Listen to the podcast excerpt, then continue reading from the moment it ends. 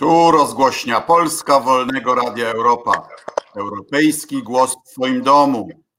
Nadajemy dziś z Chobielina i z Józefowa, a Państwa i moim gościem jest były wiceprezes Rady Ministrów, pan mecenas Roman Giertych. Witam serdecznie. Dzień dobry, witam Państwa, witam Pana Marszałka. Panie wicepremierze Romku, gdy się umawialiśmy, umawialiśmy się na rozmowę o polityce, no ale wynikła ta bulwersująca sprawa, więc muszę Pana zapytać jako prawnika. Y, o co chodzi w tej sprawie z pedofilem ułaskawionym przez Pana Prezydenta?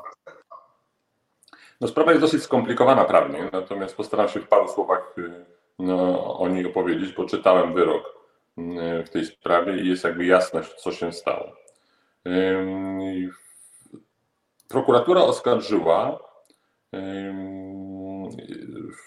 pana, nazwijmy go A, e, o to, że e, doprowadził do czynności seksualnej, molestowania swojej córki, swojego dziecka, e, w wyniku czego popełnił przestępstwo z artykułu 200 kodeksu karnego oraz znęcał się... gwałt, swoje... tak? Bo pan tak. prezydent zaprzeczał, jakoby doszło do gwałtu. Ale z chwileczkę powiem, bo to, to, że prokuratura o to oskarżyła, to nie oznacza, że tak się skończyła ta sprawa. I również o znęcanie się nad rodziną i o przemoc, która skutkowała naruszeniem czynności ciała, rozstrojem zdrowia u jednej z ofiar. W wyniku procesu sądowego sąd stwierdził, że doszło do nie molestowania, czyli nie, nie do, do spełnienia znamion artykułu 200, ale ocenił, że doszło do gwałtu, e, czyli do naruszenia artykułu 197 e, paragraf 3 e, kodeksu karnego. Sąd w ramach opisu czynu może dokonać takiej zmiany kwalifikacji i wówczas może zastosować łagodniejszą albo surowszą sankcję za, za taki czyn. I tak tu się stało. Sąd zastosował surowszą sankcję i surowszą kwalifikację uznał, że doszło do gwałtu na dziecku, wielokrotnym gwałtu e, i to e, e, dokonywanym od, jeśli z tego co pamiętam, 11 roku życia przynajmniej, do ukończenia lat 15, a wcześniej miało miejsce molestowanie seksualne. I w związku z tym sąd skazał tego człowieka, pedofila, na łączną karę 4 lat e, pozbawienia wolności oraz e, zakazał mu się kontaktować z ofiarami przez 6 lat. To jest tak zwany środek karny, opisany w artykule 39 kodeksu karnego. Środek karny, który, który ma zastosowanie dopiero od momentu opuszczenia zakładu karnego, czyli on dostał pewną karę więzienia i po tej karze więzienia y, miał zakaz zbliżania się do ofiar przez y, okres 6 lat. No ale jak, jak można coś takiego egzekwować, jak oni razem mieszkają? Y, od tego jest, panie marszałku, tak zwany fundusz ofiar, fundusz dla ofiar przestępstw. On jest tworzony przy Ministerstwie Sprawiedliwości e, i ma służyć właśnie takim sytuacjom, kiedy ofiary nie mogą e, przebywać e, razem ze sprawcą, wtedy fundusz powinien wynająć im mieszkanie, zapewnić opiekę, zapewnić jakiś dochód, bo on, to są ofiary przestępstwa. My się wszyscy składamy na ten fundusz po to, żeby w takich sytuacjach państwo tym osobom pomogło. No ale na ten fundusz został wydany, zdaje się, na system Pegasus, tak? Y, na różne rzeczy. Y, myślę, że to byłaby ciekawa kontrola NIK-u w tym, w tym zakresie, ale nie został wydany na pomoc tym osobom, to jest pewne. I w związku z tym, jak pedofil opuścił więzienie, wrócił do swojego mieszkania. Został w związku z tym skazany ponownie za to, że złamał y, zakaz w przebywania razem z, z ofiarami. E, spędził znowu rok e, w więzieniu i po opuszczeniu znowu przybył, e, przybył do, do swojej konkubiny. No i wtedy uruchomił procedurę ułaskawienia, która w normalnym przypadku powinna zaskutkować, skoro jej argumentem było to, że razem mieszkają, ponowną sprawą karną o to, że łamie zakaz. Ale w tym przypadku tak się nie stało. Dziwna łaskawość opanowała prokuraturę generalną, która wyraziła e, pozytywne stanowisko w tej sprawie e, i w rezultacie do pana prezydenta trafił wniosek e, poparty przez prokuratora generalnego, który pan prezydent w marcu tego roku podpisał, uchylając ten zakaz orzeczony przez sąd. Dodam, że istnieje procedura, która pozwala osobom starać się o to, aby taki zakaz skrócić po odbyciu połowy tego zakazu, po, w tym przypadku po okresie trzech lat, jeżeli przez rok zakaz był, byłby respektowany, może się starać o to y, sądownie, żeby zmienić ten zakaz na normalny i w tym przypadku zdaje się, ta procedura mogłaby wystartować w roku 18 albo 19. Czyli krótko mówiąc, y, to nie było tak, że ułaskawienie było jedyną procedurą możliwą dla rozwiązania tej Y, sytuacji, z tym, że musiałby to ocenić ten sąd, który y, pedofila skazał, y, a nie prokurator generalny i nie, nie pan prezydent. Tak wygląda stan prawny. Czyli pan prezydent, nawet jeśli chciał zakończyć tą sprawę w taki sposób, jak ona się zakończyła, to nie musiał dawać mu ułaskawienia, tak? Tak, i jeszcze jest jeden aspekt, o którym nikt teraz nie mówi, ze względu na delikatność pewną, i ja to rozumiem, ale yy, trzeba pamiętać o jednym aspekcie. Sąd ustalił, że do, do gwałtów dochodziło przez okres dłuższy, kilku lat, e, i że w ramach tych gwałtów e, sprawca spał e, z małoletnim. Otóż wydaje mi się, że tylko i wyłącznie okoliczności tej historii, zastraszanie konkubiny i, i jej znęcanie się nad nią, bicie jej, doprowadziło do tego, że ona nie miała postawionych zarzutów współsprawstwa. Dlatego, że y, trudno sobie wyobrazić, aby w takiej sytuacji mieszkać. Chyba mamy problem techniczny. Y, już jesteśmy na wizji. Proszę kontynuować. Y, że, żeby nie doszło do sytuacji, w której ta kobieta nie wiedziała o tym, że Widzę, że chyba problem z internetem po stronie pana mecenasa. Czy wróci nam łączność? Czekamy. Nie wiem, czy to plus, czy orange. Zaraz się dowiemy, kto taki słaby internet daje. Panie mecenasie, Romanie, jesteś już?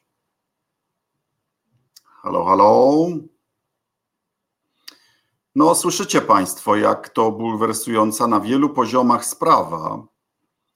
E, mnie też y, dziwi to, że pan prezydent w ogóle y, miał tak złą poradę prawną i że w ogóle się tą sprawą zajął. O, widzimy się znowu. A co pan sądzi, panie mecenasie Romku, co uważasz o tłumaczeniu tym pierwszym Andrzeja Dudy, że to sprawa rodzinna i, i, że, i że on pomógł rodzinie w ten sposób. Zawsze jest tego typu tłumaczenie, że mamy do czynienia ze sprawami rodzinnymi, bo najczęściej tego typu zdarzenia no, dzieją się w rodzinach. Większość przestępstw o charakterze seksualnym ma miejsce w rodzinach bądź też w związkach E, które nie przyjęły sformalizowanego charakteru, jak w tym przypadku.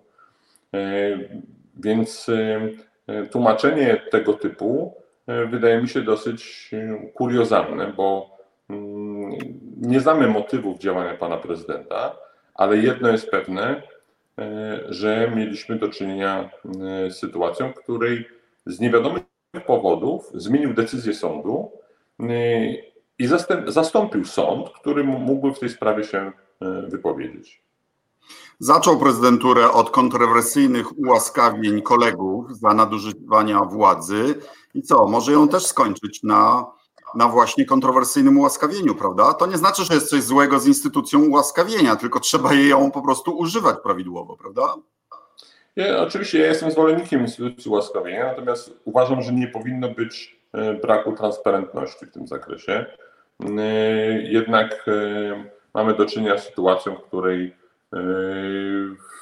te wszystkie akty powinny mieć charakter publiczny, jawny i powinniśmy wszyscy wiedzieć, na jakich zasadach, w jakich, z jakich powodów podejmują określone decyzje nasi prezydenci.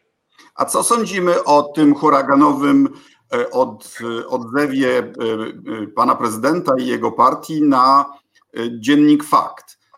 Teraz nagle jest niemieckim dziennikiem i ingerencją z zagranicy w polskie wybory, ale ja pamiętam trochę, że jak Fakt wysyłał drona nad mój dom, to nie słyszałem jakichś wyrazów solidarności od, od panów z PiSu.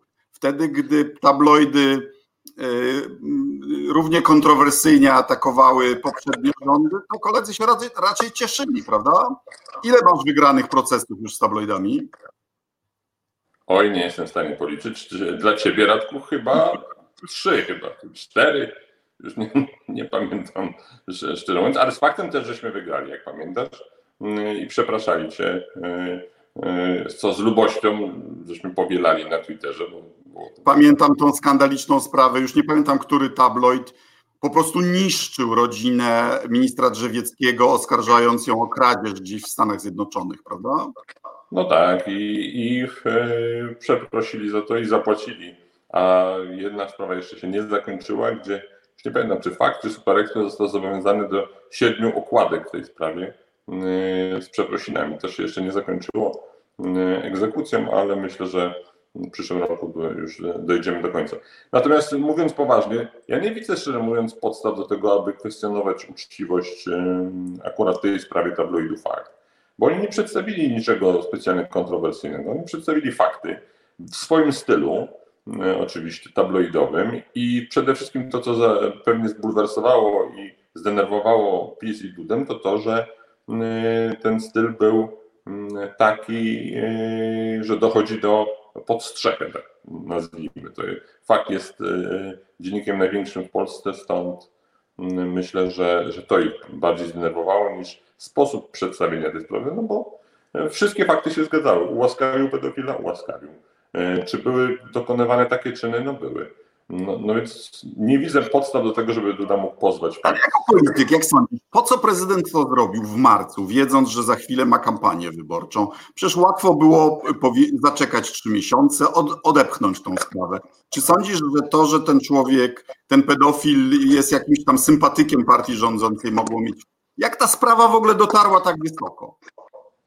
No jest tajemnica, dlatego że prezydent dostał kilkanaście albo kilkadziesiąt tysięcy wniosków ułaskawienia w ciągu swojej kadencji, a ułaskawił dziewięćdziesiąt kilka osób, więc jest tajemnicą, jak to się stało, że akurat tego człowieka zdecydował się ułaskawić. Bo o ile powiedzmy w sprawie pana śpiewaka można się zgadać z panem prezydentem, albo się nie zgadać, ja się nie zgadzam, no to jakieś motywy polityczne za tym stały i to była przemyślana decyzja. No tak samo dotyczyło sprawy pana Kamińskiego czy Wąsika. No, on wiedział, co robi, podejmował to w sposób świadomy. Natomiast tutaj, dlaczego on się zdecydował? No, Radku, wiesz dobrze, że gdybyś zobaczył na swoim biurku jakieś pismo, które miałbyś podpisać jako polityk z poparciem dla jakiegokolwiek pedofila, Trzy miesiące przed kampanią wyborczą.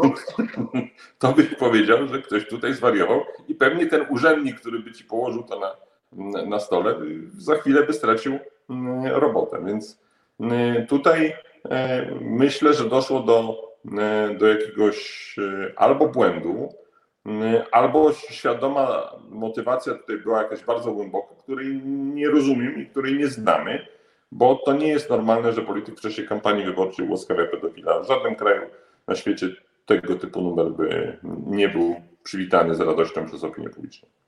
Czy ja dobrze pamiętam, że Andrzej Duda jeszcze jako prawnik prezydenta Lecha Kaczyńskiego też dał mu do podpisu jakąś kontrowersyjne, jakieś kontrowersyjne ułaskawienie, której, którego dokumentacja potem tajemniczo zniknęła?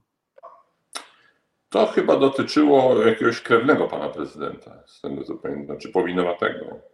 Tak. E, coś tam było. Jakieś gangsterskie klimaty. Nie chcę rzucać tak nazwisk, ale dotyczyło jakiejś osoby rodzinnie powiązanej e, z panem prezydentem. Być może, że tak jest w tej sprawie. No, wszystko przed nami. Myślę, że się wszystkiego dowiemy. Z pewnością wolne media pracują nad tym zagadnieniem i będą starali się, aby nam przybliżyć motywy działania mm, prezydenta Dudy w tej sprawie. A teraz jako znawca procedur prawno-sądowych, jak byś spekulował, skąd tak szczegółowa wiedza u tabloidów co do e, tej sprawy? Czy to nie oznacza, że ktoś podetknął tabloidom po prostu materiały tej sprawy, czyli miał bardzo dobre źródła w prokuraturze nadzorowanej przez ministra sprawiedliwości, a skądinąd wiemy, że pan minister Ziobro nie jest entuzjastą prezydentury swojego byłego podwładnego. Wiesz, no, bardzo ciekawe jest to, że pierwsza informacja o tym łaskawieniu została podana w Rzeczpospolitej przez panią Grażynę Zawodkę. E, to jest dziennikarka, która od lat specjalizuje się w, w informacjach, które pozyskuje ze źródeł prokuratorskich. Ja pamiętam, jak prowadziłem sprawę pana Kosteckiego, e, to mm, informacje o tym, co się znajdzie w aktach sprawy, i to nie jest lapsus językowy, co się znajdzie w aktach sprawy, uzyskiwałem e, z Rzeczpospolitej w trakcie przesłuchań.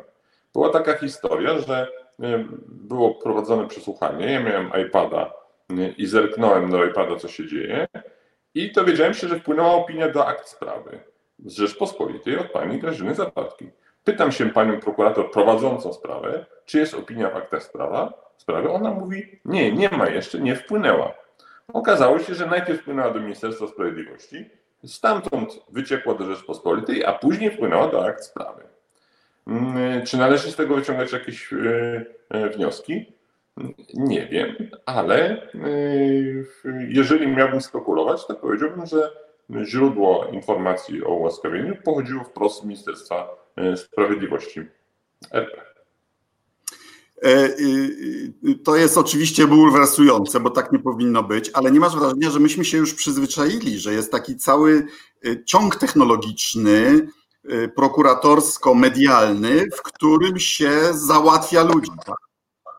No, to jesteśmy często ofiarami tego, tego ciągu technologicznego. To, to minister Ziobro to do perfekcji. Czy tak było w tym przypadku i czy ofiarą ministra Ziobry jest Andrzej Duda, y, tego nie wiemy do końca, bo mogło być to jakoś tam przypadkowo. Natomiast no i bardzo chce się pokazać pan minister Ziobro teraz, broniąc pana prezydenta, w sposób osobisty broniąc. Nikt inny się nie wyrywa do obrony ułaskawienia pedofila, a minister Ziobro jest na pierwszym, pierwszej linii tej, tej walki o dobre imię pana prezydenta. Trochę wygląda tak, jakby czuł się albo winny, albo był oskarżany przez swoich kolegów o to, że miał coś do czynienia z tą sprawą. Byłeś na wieczorze e, wyborczym po pierwszej turze u Szymona Hołowni. Głosowałeś na niego. Teraz apelujesz o głosowanie na Trzaskowskiego. Dlaczego? E, ja poparłem Szymona Hołowni już przed wyborami z tego powodu, że uważałem, że ma, tak sondaże pokazywały, większe szanse wygrać Andrzejem Dudą, a dla mnie priorytetem w, tej, w tych wyborach było zwycięstwo nad e, Andrzejem Dudą. No, oczywistą konsekwencją y, takiego y, motywu jest to, że w momencie, w którym się okazało, że do drugiej tury przychodzi Rafał Trzaskowski, to poparłem Rafała Trzaskowskiego. Zresztą tak jak poparł Szymon Hołownia, bo trzeba powiedzieć, że bardzo, bardzo zachował się patriotycznie, bardzo fair i jego poparcie powoduje, że dzisiaj szanse się wyrównały, a nawet Trzaskowski ma przewagę, bo bo łącznie elektorat Hołowni Trzaskowskiego to jest więcej niż elektorat Dudy z pierwszej tury. A dlaczego uważasz, że e, sondaże pokazywały, że Hołownia ma większe szanse zwycięstwa? No było oczywiste dlaczego, dlatego że Hołownia był bardziej przesunięty do środka niż Trzaskowski.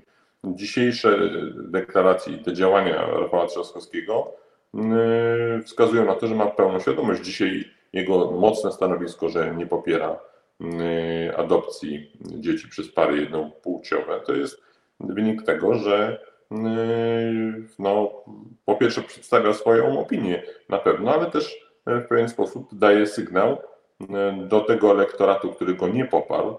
Myślę tu przede wszystkim o elektoracie właśnie Hołowni, Bosaka i Kosiniaka-Kamysza, który jest bardziej konserwatywny niż, niż elektorat Platformy Obywatelskiej, że nie będzie prezydentem rewolucji obyczajowej, co jest bardzo ważnym sygnałem i i na pewno pomoże mu, mam nadzieję, w zwycięstwie.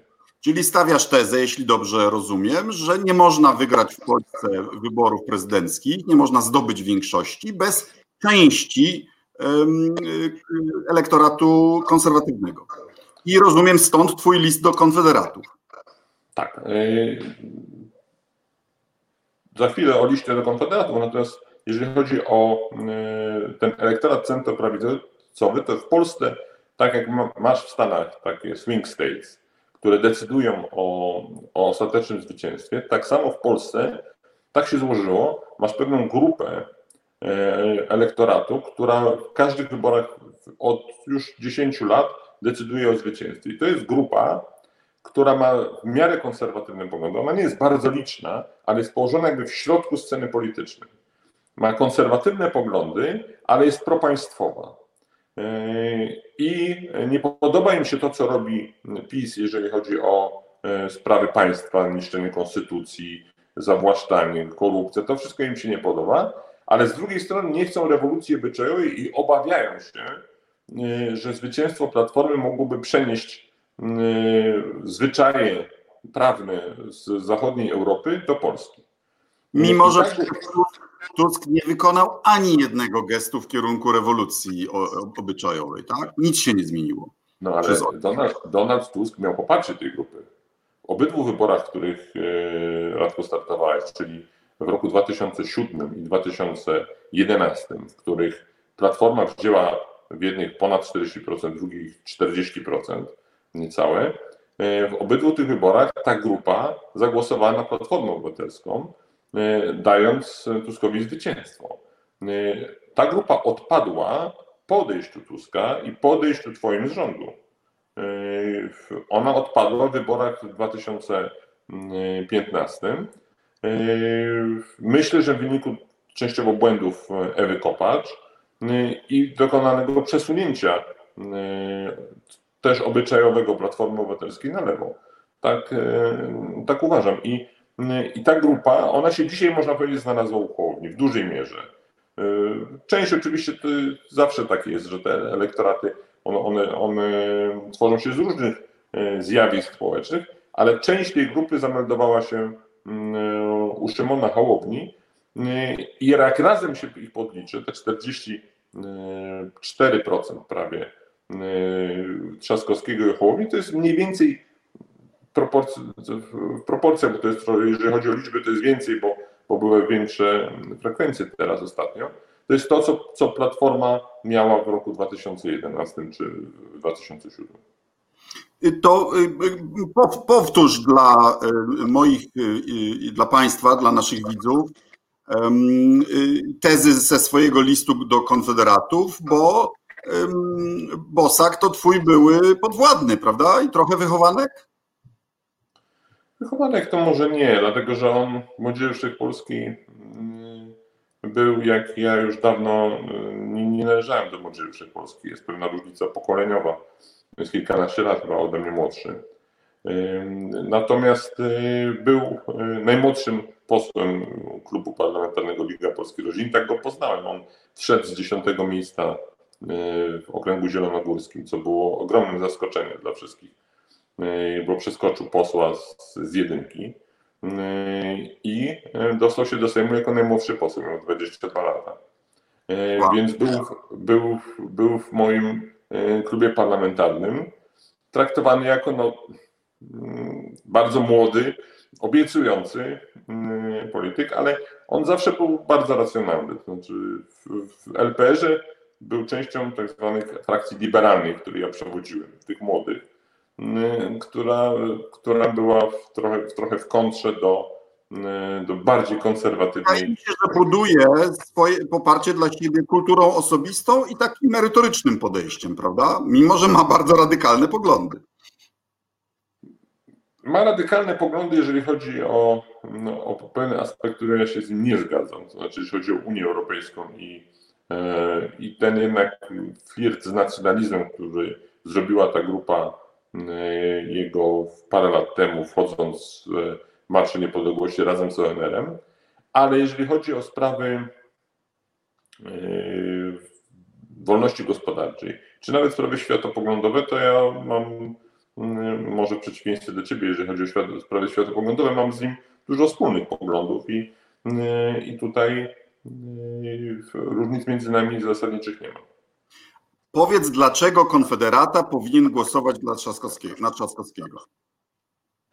No jest parę powodów. Po pierwsze, jeżeli ktoś jest patriotą, to nie głosuje na PiS. Dlatego, że PiS jest bardziej sektą niż partią.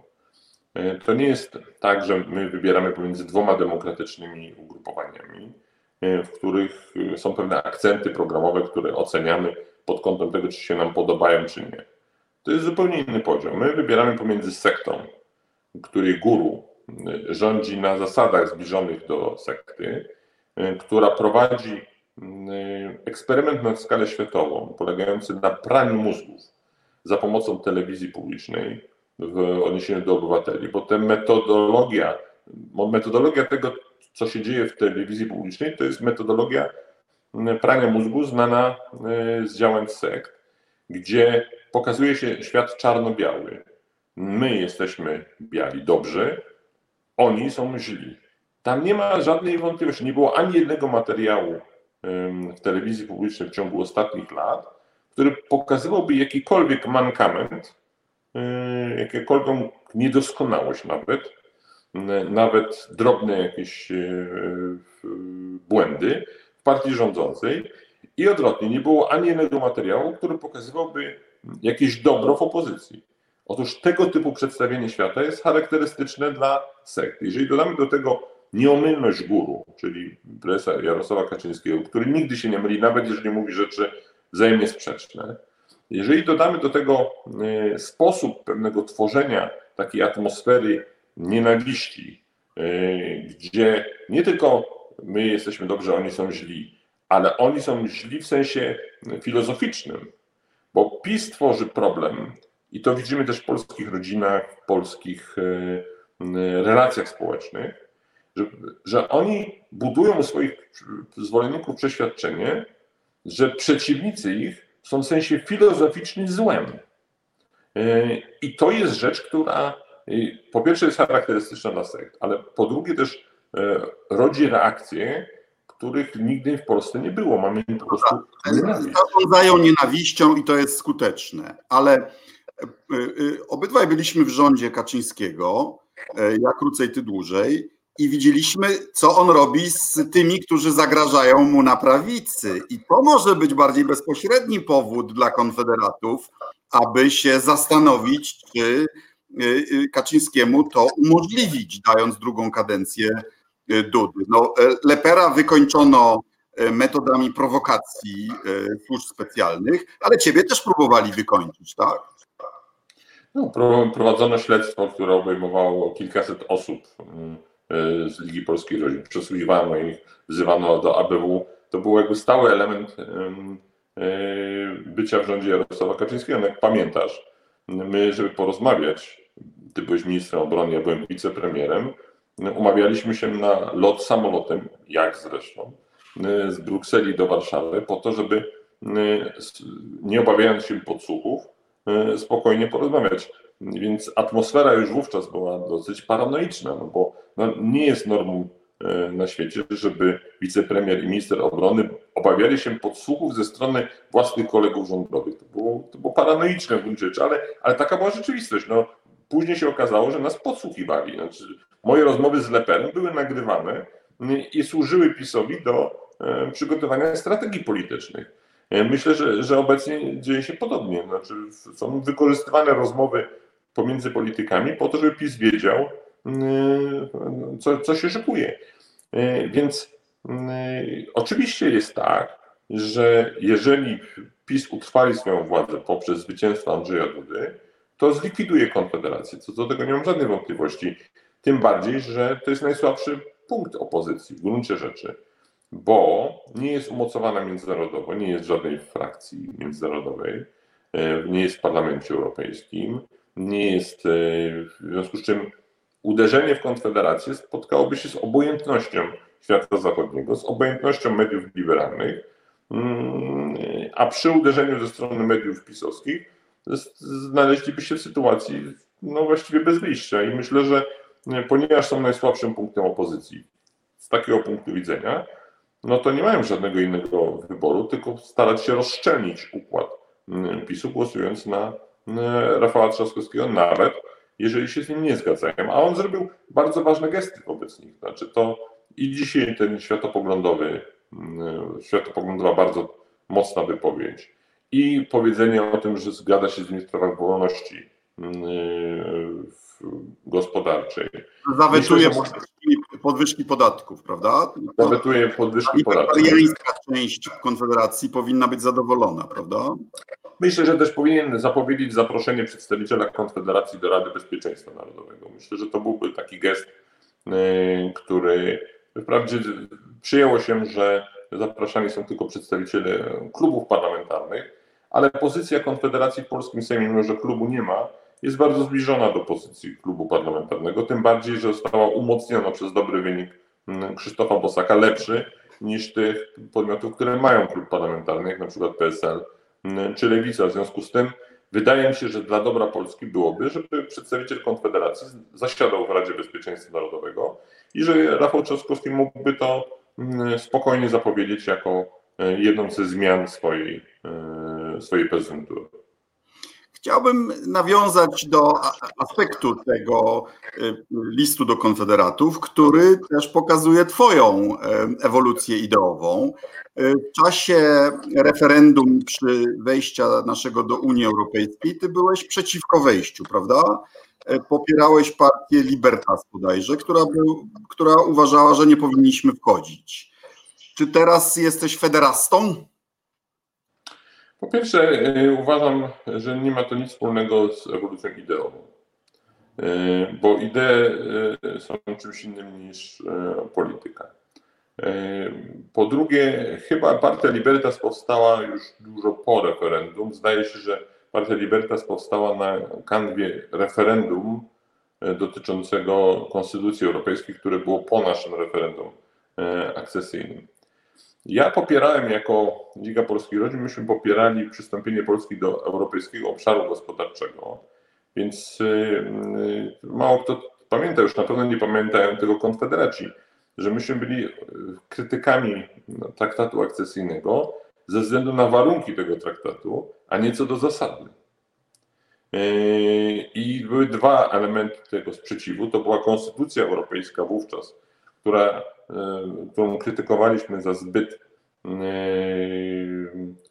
e, po pierwsze brak odniesienia do, do wartości judeo-chrześcijańskich i brak odniesienia do Boga, z tego co pamiętam, i krytykowaliśmy ją za chyba już nie pamiętam jakie, jakie to były elementy, ale w każdym razie ta konstytucja była problemem i euro było, było problemem.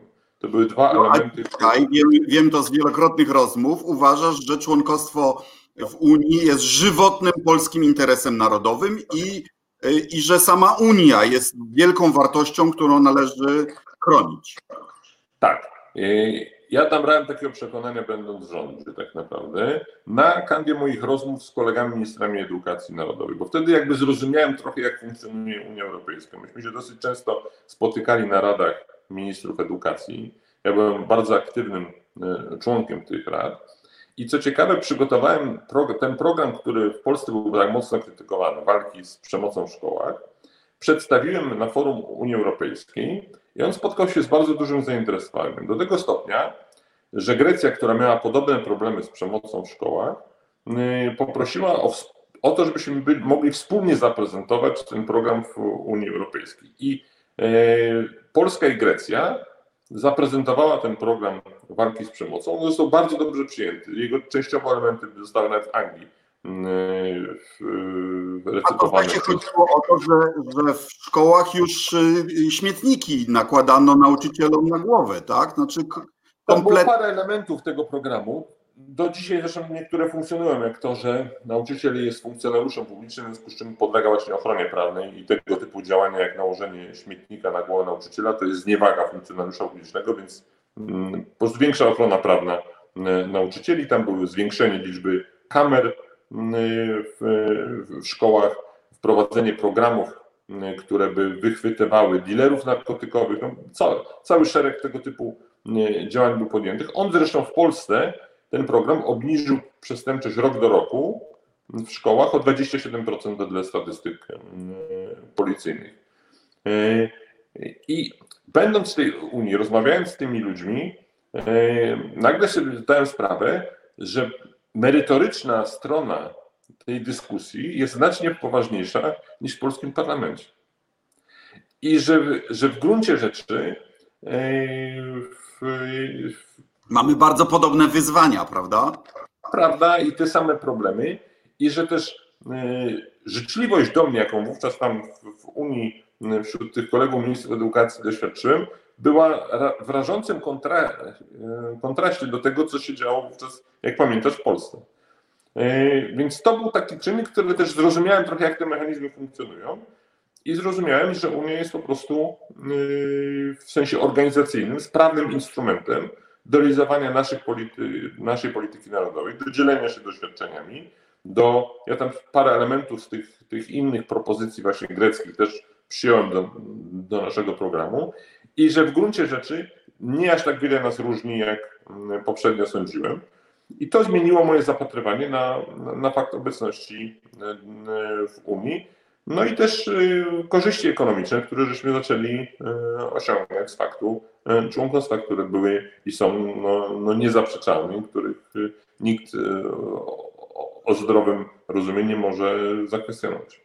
A czy nie zastanawia Cię ewolucja faktyczna PiSu? polegająca na tym, że z jednej strony poprzez łamanie polskiej konstytucji i traktatów oni e, wystawili Polskę pod osąd Trybunału Sprawiedliwości Unii Europejskiej, który przedtem nigdy nie, nie pełnił funkcji Europejskiego Trybunału Konstytucyjnego, a teraz zaczyna pełnić tą funkcję. To po pierwsze. Po drugie, oni w Polsce swoim e, zwolennikom mówią, że Unia Europejska powinna być tylko strefą wolnego handlu, a w rzeczywistości domagają się, żeby Unia zachowywała się jak państwo federalne, no bo przecież pomaganie gospodarcze sobie czy w pandemiach jest atrybutem czegoś więcej niż y, strefa wolnego handlu, a co więcej, Morawiecki słusznie domaga się dochodów własnych Unii Europejskiej, unijnych podatków, cyfrowego, od wielkich korporacji i tak dalej, co też jest e, atrybutem państwa federalnego, a nie strefy wolnego handlu. Jak sądzisz, jak długo PiSowi będzie się udawało udawać e, suwerenistów w Polsce, a de facto trochę wzmacniać federalne aspekty Unii Europejskiej tam w Brukseli? No ja mam nadzieję, że już PiSowi się nic, nie uda. Znaczy, jeżeli za tydzień przegra Duda, e, to wybory będziemy mieli na wiosnę, bądź, e, a może na jesieni. I wówczas ich jakby sprawczość spadnie do zera. Bo też prawa nie będą mogli zmieniać, no bo bez prezydenta nie uzyskają większości, więc myślę, że im, że im się nie uda. Natomiast rzeczywiście skutkiem tego rozrabiania przeciwko polskiej konstytucji, łamania tej konstytucji, były wyroki CUE, które no, poszerzyły władzę. To jest zresztą zjawisko e, obecne zawsze. Tam, gdzie się mm, tworzą jakieś konflikty, to często sądy próbują sobie uzurpować władzę, której dotychczas nie miały. No, tak, tak jest natura człowieka, że jak może tę, tę władzę więcej e, jej skumulować, to to robi. E, I to widać wyraźnie, że w tych orzeczeniach CUE mamy do czynienia e, z pewnym wyjściem poza ramy trochę konstytucji ustanowionej traktatami, mówię o quasi konstytucji, co zresztą było krytykowane ostatnio przez Trybunał Sprawiedliwości w Karlsruhe niemiecki, który no, stoi w opozycji do do, takich, do takiej uzurpacji ze strony CUE. Także PiS w pewien sposób nie, niezamierzony, nieudolny, no, wzmógł te federacyjne elementy w Unii, no bo jeden sąd konstytucyjny to jest element absolutnie federacyjny i, i tak naprawdę, jeżeli, jeżeli się doda do tego kwestie związane z obligacjami, które tworzą wspólny dług, no to jesteśmy już bardzo blisko do federacji. Aczkolwiek muszę Radku Ci powiedzieć, że jak obserwuję teraz to, co się zdarzyło po epidemii i to, w jakim myśmy trochę byli bezbronni, myśmy jako Europa wobec no, zjawiska epidemii, to mam wrażenie, że w niektórych obszarach moglibyśmy rozważyć zwiększenie uprawnień Unii Europejskiej, na przykład w zakresie właśnie epidemii, walki z epidemiami, czy też e, ochrony zdrowia, bo przydałby się jakiś organ unijny, który miałby za zadanie pojechać do takiego Wuhan, jak tylko się zaczynała epidemia, zgromadzić tam dane, e, ostrzec na czas kraje członkowskie i komisje, no, a tego nie było. I to do Ciebie się zwracam, jak to do posła do Parlamentu Europejskiego, żebyście rozważyli coś takiego, powołanie jakiejś... Moim konikiem jest obronność europejska, bo dzisiaj jest tak, że Polska wydaje proporcjonalnie więcej na obronność niż Niemcy. I Niemcy sobie mogą nie wydawać na obronność, bo my jesteśmy ich miną przeciwczołgową, tak? My chronimy wschodnią flankę. A gdybyśmy mieli e, Y, obronność europejską, to państwa by się na nią zrzucały proporcjonalnie do swojego PKB, a środki oczywiście trzeba by wydawać na flankach, czyli tam, gdzie jest zagrożenie. Polska by na tym skorzystała. Y, tak, wydaje mi się, że y, też zmienia się świadomość Europejczyków, że mamy, mamy do czynienia z powolnym, ale jednak budowaniem takiej Mm, świadomości wspólnoty. Y, w pewien sposób epidemia temu przeszkodzi, bo mniej ludzi będzie jeździło na inne kontynenty i mniej będzie sobie zdawało sprawę, że w Azji my nie jesteśmy traktowani jako e, Poland czy Holand, tylko jesteśmy traktowani jako Europe. E, ale z drugiej strony Yy, ta wspólnota poprzez przemieszczanie się ludzi wyłącznie w obszarze Unii Europejskiej, albo przede wszystkim w obszarze Unii Europejskiej, no, może narastać i, i, yy, i widzimy teraz, że więcej nas łączy niż dzieli, chociaż muszę Ci powiedzieć, że, że Unia Europejska, i to jest moim zdaniem jej błąd, za mało sięga do tych elementów tożsamości kulturowej, które yy, łączą Europejczyków w sposób głębszy niż się wydaje. Widzieliśmy przy pożarze mm, katedry Notre Dame, jak bardzo Europa poczuła się poruszona faktem, że spłonął jakiś, jakiś kościół, nazwijmy to, tak? Mała Bogu tylko dach, ale wyglądało to bardzo źle, prawda? I, tak. i była powszechna jednak smutek, prawda? Że coś tracimy. Tak, i że, że część naszego dziedzictwa płonie, tak? I i, I to jest bardzo głębokie, mimo tych, mimo laickości państwa, tak? Mimo cała Francja poczuła się poruszona, te miliardy. Cała Europa. Że cała Europa, nie tylko ta chodząca do kościoła. Tak, tak. Poczuła się, że coś naszego, części naszego dziedzictwa jest stracone, więc, więc też my, my się wydaje, że e, sposobem na budowanie tej tożsamości jest przy zachowaniu różnorodności i, i poglądów, i światopoglądów, i wierzeń, i, ale jednak yy, nie przekreślanie tej przeszłości, nie przekreślanie tej tożsamości, nie przekreślanie tego korzenia, na, na którym jako Europa zostaliśmy zbudowani, bo, bo przecież wszyscy byliśmy przez kilkaset lat częścią społeczności. Yy, wiesz, taki, taki ostatnio czy, słuchałem takiego wykładu, I tam była informacja, że chyba w XIII wieku biskupem yy, Krakowa został Niemiec. I to w ogóle nikogo nie dziwiło. Bo miasto w odróżnieniu od grodu królewskiego, zdaje się, było w ogóle w przeważającej mierze. Ale to nie miało znaczenia. Hmm. Bo, bo, po prostu yy, biskup, który miał funkcję nie tylko przecież w, średniowieczu nie tylko funkcję. Pozdrawiam. E, nie, nie, nie tylko, nie tylko funkcje e,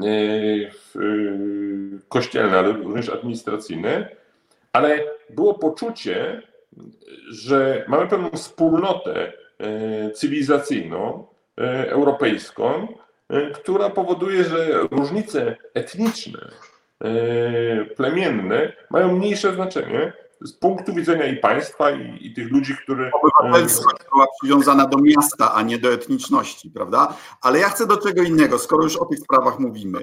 Co prawowity katolik, taki jak ty, sądzi o dzisiejszym stanie e, relacji państwo-kościół? Czyli nie owijając bawełnę e, o tym, że e, nasz kościół w Polsce stał się wydziałem ideologicznym PiSu.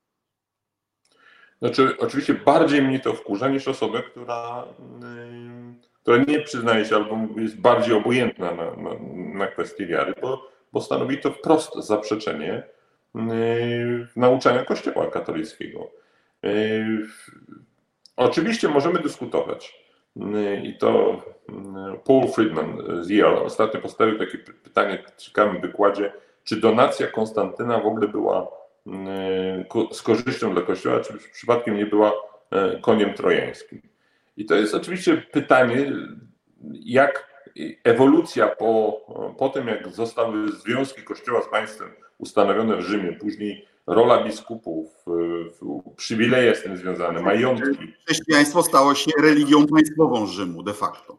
Tak, a my, mówię o polskim kościele, w sensie struktur, jesteśmy ostatnim, może jednym z ostatnich reliktów tego systemu powiązania kościoła, kościoła z państwem. Albowiem polski kościół w sensie strukturalnym został zbudowany w XIII wieku po reformach e, Innocentego, e, które to reformy wprowadziły duchowieństwo jako stan obok e, chłopstwa, obok mieszczaństwa, obok szlachty, był stan duchowny. I o ile inne stany się w Polsce pomieszały przez wieki, to w wyniku zaborów, do zaborów ten, ten, ta stanowość duchowieństwa przetrwała. Później była spetryfikowanie sytuacji w zaborach. Później był bardzo krótki okres dwudziestolecia międzywojennego, yy, który niewiele zmienił. I później była komuna, która właściwie też zamroziła ten. I no dobrze, 80...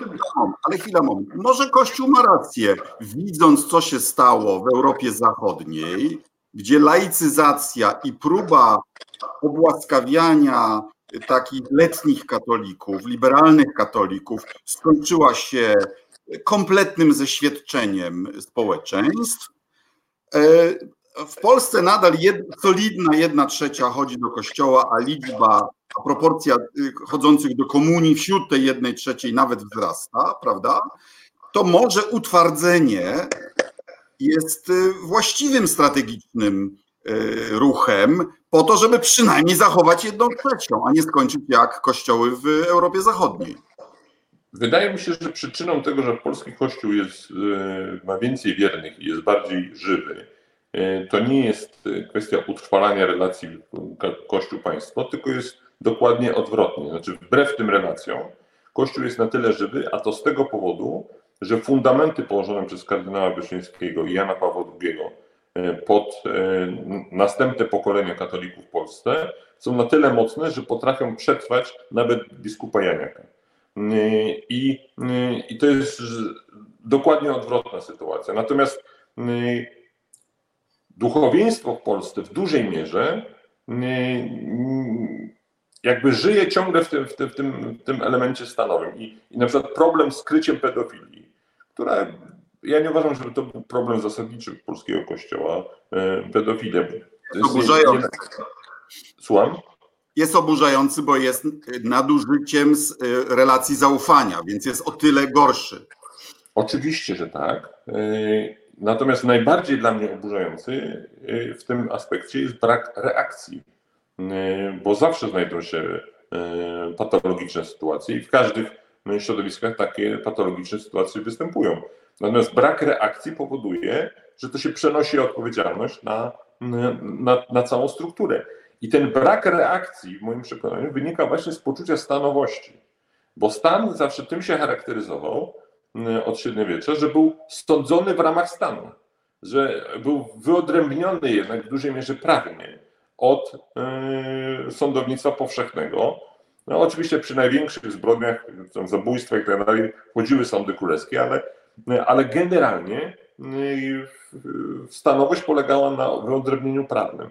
I dzisiaj mam wrażenie, że jest takie oczekiwanie ze strony kleru Kościoła katolickiego w Polsce, że państwo utrzyma im tę stanowość, to znaczy wyjątkową prawną, nawet nie zapisaną w sensie konstytucyjnym czy, czy w kodeksach, ale faktyczną, mm, poprzez działania organów wymiaru sprawiedliwości, co w działaniach e, organów wymiaru sprawiedliwości okresu PiSu obserwujemy no, pewne, pewne gesty, pewne no, no działania, które w normalnych sytuacjach by w ten sposób nie były prowadzone. Otóż to jest.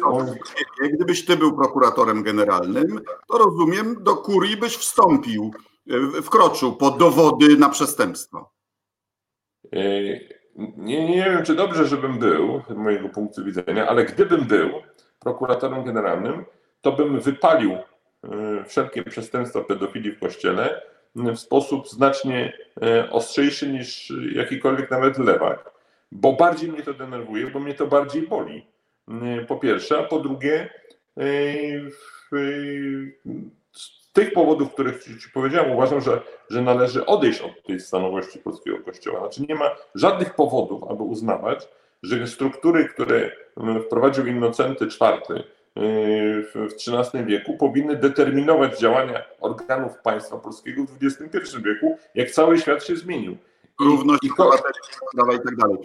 I Kościół, jeszcze, jeszcze, jeszcze słowo, I, i Kościół kwitnie w tej chwili na świecie w tych obszarach, których nie ma żadnych związków państw, państw, z państwem, takie jak Wietnam, jak Indie, jak Chiny, y, jak, co mało kto wie, Bliski Wschód. Największy wzrost procentowy y, katolików na świecie w stosunku do liczebności państwa, wiesz gdzie jest? Nie. Arabia Saudyjska gdzie nie wolno odprawiać mszy. Tak. E, Arabia Saudyjska, w, w Dubaj, e, w ogóle całe Emiraty Arabskie. Te kraje, które, do których przyjeżdżają imigranci z krajów azjatyckich, katolickich, z Filipin, właśnie z niektórych obszarów Indii, z Wietnamu, one przekształcają e, tamtejsze kościoły i nie mają żadnych związków państwowych, znaczy nie mają kompletnie relacji. Jeżeli są jakiekolwiek relacje, to, e, to raczej wrogie, e, a, a jednak kościół czuje się tam bardzo dobrze i rośnie. Zmierzając powoli ku końcowi, czy ty uważasz, że PiS to jest prawica i czy to są konserwatyści? Znaczy, sekta, która przyjęła nazwę partii politycznej, może się dookreślać jak, jak chce. To nie ma w ogóle żadnego znaczenia, dlatego że PiS nie ma ani programu, ani ideologii, ani poglądów. Dlatego, że ich programem, ich poglądem, ich e, e, planem jest to, co myśli Jarosław Kaczyński. E, on ma natomiast poglądy dostosowane do sytuacji politycznej i jest gotowy każde wygłosić, żeby, żeby osiągnąć cel. Mm, więc trudno zdefiniować tego typu strukturę. W sensie elektoratu i w sensie pewnie poglądów większości posłów jest to ugrupowanie y, konserwatywne. Natomiast jeżeli chodzi o działania gospodarcze. Chwila, moment. Zależy jak zdefiniujemy konserwatyzm. Konserwatyści tak. też historycznie byli za wolnym handlem, przeciwko wolnemu handlowi. Jedne rzeczy w różnych czasach popierali, inne zwalczali. Ja powiedział, że konserwatyzm to jest de facto temperament. To znaczy taki sceptycyzm wobec nowinek, e, który może przybierać różne formy. Natomiast w PiSie mamy agresywny tradycjonalizm, to znaczy próbę zawrócenia biegu do jakiejś wyidealizowanej przeszłości, która de facto nigdy nie istniała i taki zapał rewolucyjny, który jest temperamentowi konserwatywnemu obcy. A, a, a w sferze już programów, no to, to to jest narodowy socjalizm, podlany kościelnym takim katolickim sosem, a nie konserwatyzm. Zgadzam się z Tobą. Znaczy, konserwatyzm jest czymś pozytywnym, a to, co jest w PiSie, to jest yy, moim zdaniem jedna wielka hipokryzja. Dlatego, że jeżeli mówimy o przywiązaniu do pewnej wartości, to jedną z najważniejszych, fundamentalnych wartości, do której jest przywiązany każdy chrześcijanin, to jest prawda. Natomiast PiS zbudował swoją całą propagandę na kłamstwie. Każdego dnia telewizja publiczna, która jest zbrojnym, mówię w sensie PR-owym, zbrojnym organem PiSu, opowiada łgarstwa na temat. Kłamie wskazaniem. Oczywiście i, i też y, opowiada łgarstwa na temat swoich własnych dokonań. Kłamie ludziom, mówiąc, że jest y, doskonała sytuacja ekonomiczna, kłamie ludziom, jeżeli mówi, że, że skończyła się epidemia, kłamie ludziom, mówiąc, że za chwilę będziemy mieli CPK i, i, y, i miliony pasażerów będą latały przez. Nie, przede wszystkim zbrodniczy rząd Tuska ukradł 250 czy 350 miliardów złotych, prawda? A zaczęło się jeszcze od kłamstwa smoleńskiego, gdzie mówili, że była jakaś e, ingerencja intencjonalna w e, katastrofę smoleńską. No po prostu przez cały czas kłamią. Otóż kłamanie jest wprost sprzeczne z, z jakąkolwiek e, warto, jakimikolwiek wartościami. Oczywiście jest sprzeczne z konserwatyzmem. I nie, nie ma czegoś takiego jak intelektualna możliwość poszukiwania spisowcem prawdy, no bo oni mają po prostu tą prawdę wypaczoną i powtarzaną y, po Goebbelsowsku wiele razy, która w ich głowach, a szczególnie w głowach ich elektoratu zamienia się w jakieś przeświadczenie o fałszywej prawdzie. Ja, ja agituję za Trzaskowskim na ulicach i spotykam ludzi, którzy mówią paskami z TVP Info. E, e, znaczy naprawdę... Pranie mózgu, pranie mózgu bo to jest, to jest Radek pranie mózgu. To, znaczy, to są metody przyjęte z sekt, gdzie tylko powielone do, do, do milionów obywateli poprzez powtarzanie powielokroć kłamstw, powtarzanie w sposób e, budowanie świata czarno-biały, my dobrze, oni źli, a oni nie, nie źli, bo mają gorszy program, tylko po prostu źli, bo są po prostu złymi ludźmi, szatanami, a my jesteśmy anielami. Tak jest budowany ten świat. I, i okay. to jest bardzo niebezpieczne na przyszłość też. Wielokrotnie się zakładaliśmy o bieg wydarzeń politycznych, różnie bywało, czasami wygrywałeś, czasami ja. Stoimy na rozdrożu. Będzie za 10 dni albo kontynuacja e, e, kadencji, druga kadencja Andrzeja Dudy, albo zwycięstwo Rafała Trzaskowskiego. Spróbuj opisać w paru zdaniach, jak będzie wyglądała Polska przy kontynuacji, a jak będzie wyglądała Polska przy zwycięstwie Trzaskowskiego. Szczerze mówiąc, jeszcze parę dni temu uważałem, że Andrzej Duda jest faworytem tych wyborów. Yy, natomiast sprawa yy, ułaskawienia pedofila w moim przekonaniu zmienia yy, sytuację.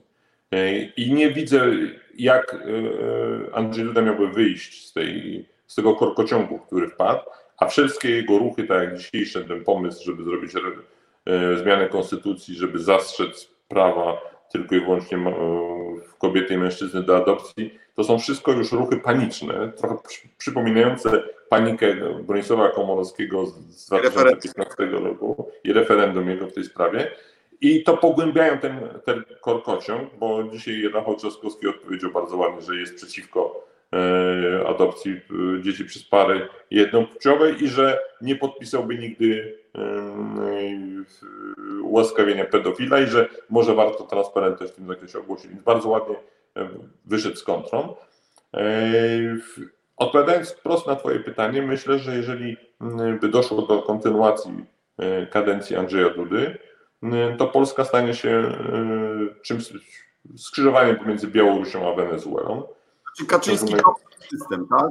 Już zapowiadają, że się wezmą za media prywatne, no i wtedy, wtedy będzie już Budapeszt, czyli zgodnie z planem, prawda? No wtedy będziesz miał jedyne wolne radio Europa nadawane z Brukseli. Mm, ludzie będą, będą przez zagłuszacze e, instalowane w miastach wsłuchiwali się Radku w twoje, no, w twoje słowa. Erdogan i paru innych i Putin od Facebooka i Twittera też kraj można odciąć. No więc właśnie, więc będą jakoś nielegalnie próbowali ciebie ściągać, także jeżeli wygra Duda, wróżę Twojemu mm, medium wielką przyszłość, Radek. E, natomiast jeżeli wygra Trzaskowski, co wydaje mi się już w tej chwili bardziej prawdopodobne, e, no to będą wybory bardzo szybko i to będzie, przynajmniej jedno jest pewne, to jest koniec rewolucji PiS. To jest, skończy się mm, e, ten czas, w którym PiS mógł robić co chciał i, i dlatego no myślę, że wszystkich należy zachęcać do tego, aby zagłosować. Nadal mógłby administrować, natomiast skończyłyby się te rewolucyjne pomysły, tak? Czyli, czyli wybór Trzaskowskiego, nawet jeśli jesteś konserwatystą, który może jest sceptyczny wobec opozycji, jest w tym sensie bezpieczniejszy. No, ktoś będzie patrzył rządowi na ręce i będzie w stanie kontrolować y, te działania. Myślę, że y, szybsze wybory będą z korzyścią na pewno dla na przykład Konfederacji, bo bo utrzymanie tego dobrego trendu zrobionego przez Bosaka mogłoby Jeszcze... doprowadzić do tego, Jeszcze... żeby część elektoratu przyjęli odpisy. Wszyscy kandydaci udają, że prezydent w Polsce rządzi. Tymczasem tak naprawdę rolą prezydenta jest zapobieganie robieniem przez rząd złych rzeczy. I mój problem z Andrzejem Dudą jest taki, że on tego podstawowego obowiązku prezydenta nie wykonywał a Trzaskowski by wykonał, to znaczy nie pozwoliłby łamać konstytucji. No tak, i e, przy braku Trybunału Konstytucyjnego stałby się takim organem trochę określającym, czy dana ustawa jest sprzeczna z konstytucją, czy nie. I to by, to by było bardzo wartościowe. Także myślę, że wszyscy dzisiaj konserwatyści, wszyscy katolicy, wszyscy ludzie o poglądach tradycyjnych powinni dzisiaj zagłosować na Rafała Trzaskowskiego. Dziękuję bardzo. A już ostatnie pytanie, panie mecenasie.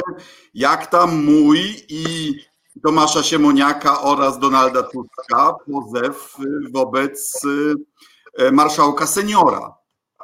Yy, który raczył powiedzieć, że Tusk, Siemoniak i Sikorski, e, żeby mnie przykręcił czegoś, ukrywają e, przestępców smoleńskich, tak? Tak, sprawców katastrofy. Nie wiem, nie wiem, gdzie, gdzie Radku ich tam ukrywasz w Fobilinie. Tu w loku w Rozumiem.